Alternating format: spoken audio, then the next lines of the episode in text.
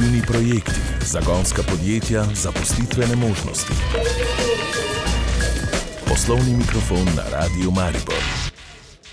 Cenjene poslušalke, cenjeni poslušalci, pozdravljeni v poslovnem mikrofonu. Poletje se nezadržno približuje, zato bo oddaja poslovni mikrofon od danes pa vse do konca avgusta z vami v nekoliko drugačni, krajši obliki. Po odmevnem projektu območne obrtno-podjetniške zbornice Maribor, poimenovanem Podjetna pozitiva, ki ga je podprl tudi Radio Maribor, boste lahko v naslednjih tednih ob torkih ponovno prisluhnili pogovorom z avtorji vseh 14 pozitivno naravnanih podjetniških izjav, ki so se potegovali za najpodjetno pozitivo izjavo, ki se vas je najbolj dotaknila. Ob tem bomo predstavili tudi inovacije, ki so jih podjetja prijavila na letošnji izbor najboljših inovacij podravske regije.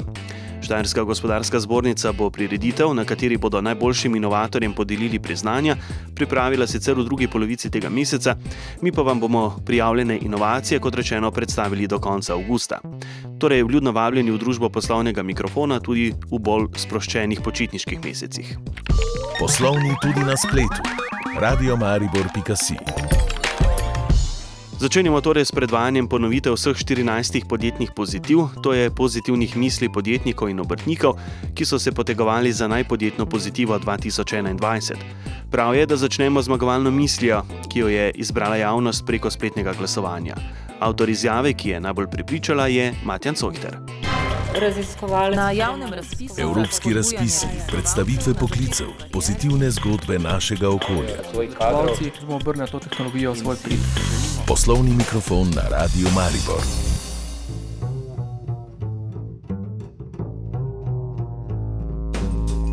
V sodelovanju z območno obrtno-podjetniško zbornico Maribor predstavljamo njihov projekt Podjetna pozitiva, v sklopu katerega izpostavljamo izjave mariborskih in okoliških podjetnikov in obrtnikov.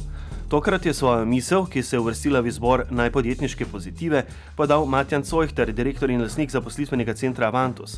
Tole je izpostavil glasilo zbornice. Moje razmišljanje in uh, misel je šla takole. Moč misli v življenju je neomajna, predvsem tiste pozitivne. Cojhter takole pojasnjuje svojo izjavo. V bistvu to, kar sem želel povedati, je, da ljudje s svojimi mislimi dejansko kreiramo življenja. In prepogosto je vsebina te misli, ki sem jo izrekel, ravno nasprotna. Torej, negativne misli nam kreijo vsak dan. Zato dajmo se potruditi, pa poiščemo tisto pozitivno misel, ki nam bo polepšala trenutek, dan, teden, življenje. Pozitivna naravnanost ni pomembna samo v zasebnem življenju, ampak tudi v podjetniških vodah, dodaja sogovornik. Ja, vsekakor je rekel, ta filozofija življenjska tista, ki kroji naše v prvi vrsti privatno življenje. Ampak jaz mislim, da sta poslovno življenje in privatno življenje tako močno povezani, da dejansko ne moremo biti v službi pozitivni, pa doma potem v depresiji ali pa obratno mislim, da je naloga vseh nas, predvsem pa tistih, ki smo mogoče na nekem vodstvenem, vodilnem ali kakorkoli drugače, nekaj na drugačnem delovnem mestu, je naloga vseh nas to, da ustvarimo eno pozitivno uh, življenjsko okolje, eno dobro, optimistično okolje, v katerem so potem tudi rezultati boljši.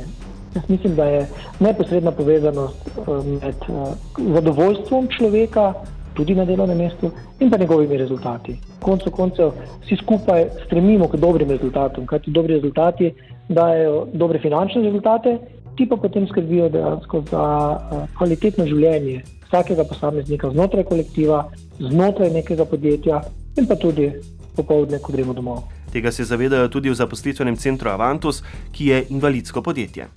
Ja, v zaposlitvenem centru Avantus smo v vseh pogledih ničkeno drugačni. Mi imamo status invalidskega podjetja in pa ljudi, ki jih nekako, po mojem mnenju, po krivici o, označujemo kot tiste, ki so mogoče ničkeno drugačni. Mislim, da so ljudje takšni kot mi, mislim, da potrebujejo prijazno, prijazno besedo, tople stis roke, urejeno in redno delovno okolje.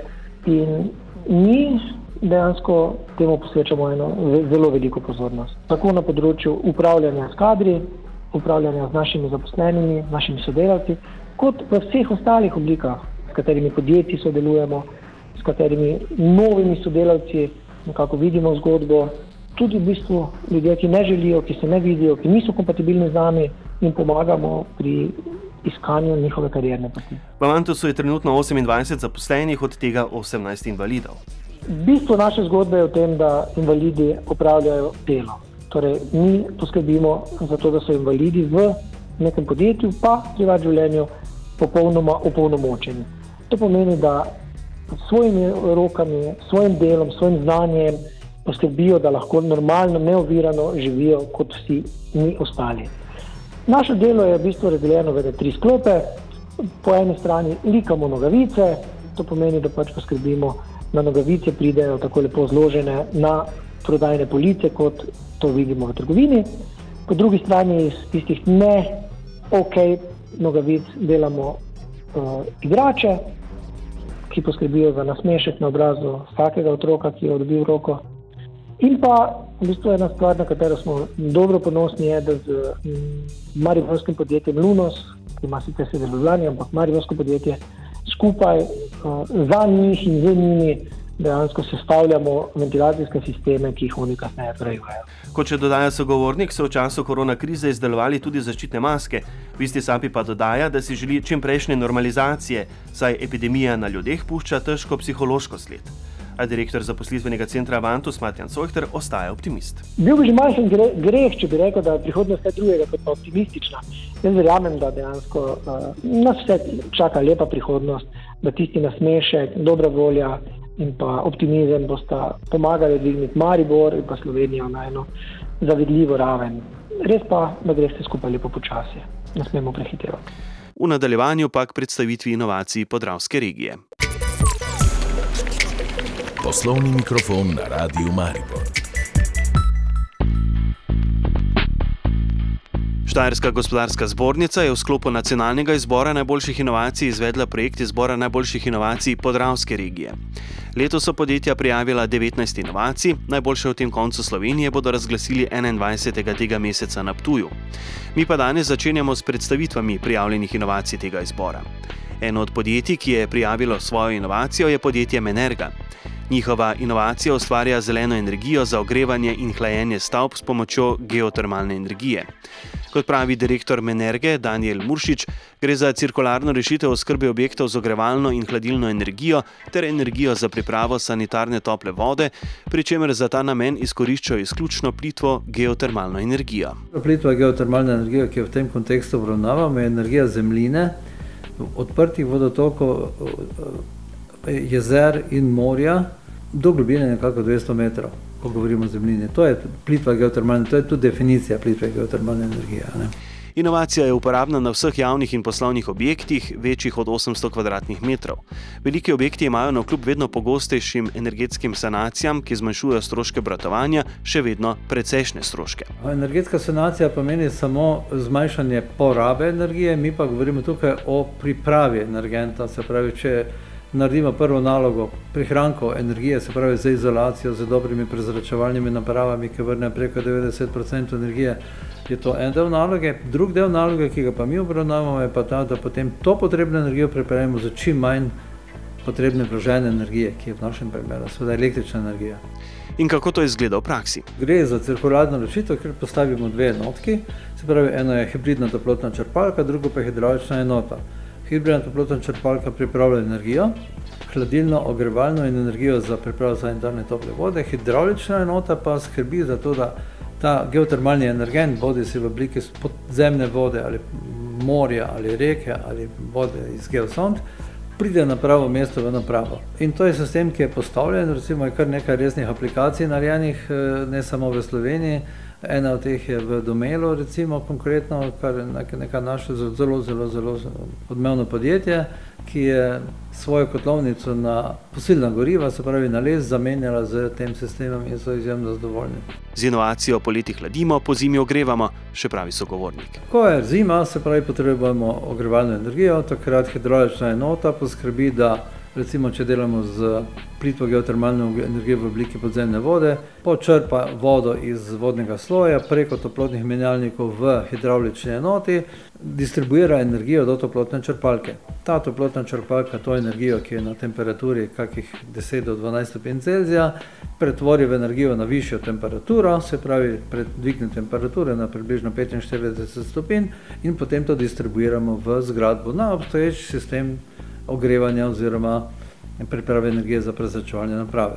V tem času seveda toplotna črpalka, ko jemlje energijo iz te vode, hladi zemljino, v kateri se nahaja ta voda. Potem pa pride poletje in potem pričnemo uporabljati hladilno energijo. Hibridna toplotna črpalka pripravlja hladilno energijo, ampak kot višek, kot negativni produkt ali pa kot produkt, stranski produkt je pa toplotna energija. To vidimo pri vseh split sistemih. Poletje, ki deluje, vidimo, da pihajo toplo, pomeni to, to isto toploto pa mi vrnemo nazaj preko hidravlične enote v zemljino in na tak način z pretokom vode v spodnjem sloju v zemljini vrnemo to energijo nazaj v zemljino oziroma jo tam akumuliramo. In ko zopet pride zima in pričnemo ogrevati objekte, potem s pomočjo vode, ki teče skozi to segreto zemljino, ki smo jo poleti segreli, vrnemo to energijo nazaj preko hidravlične enote v toplotno črpalko.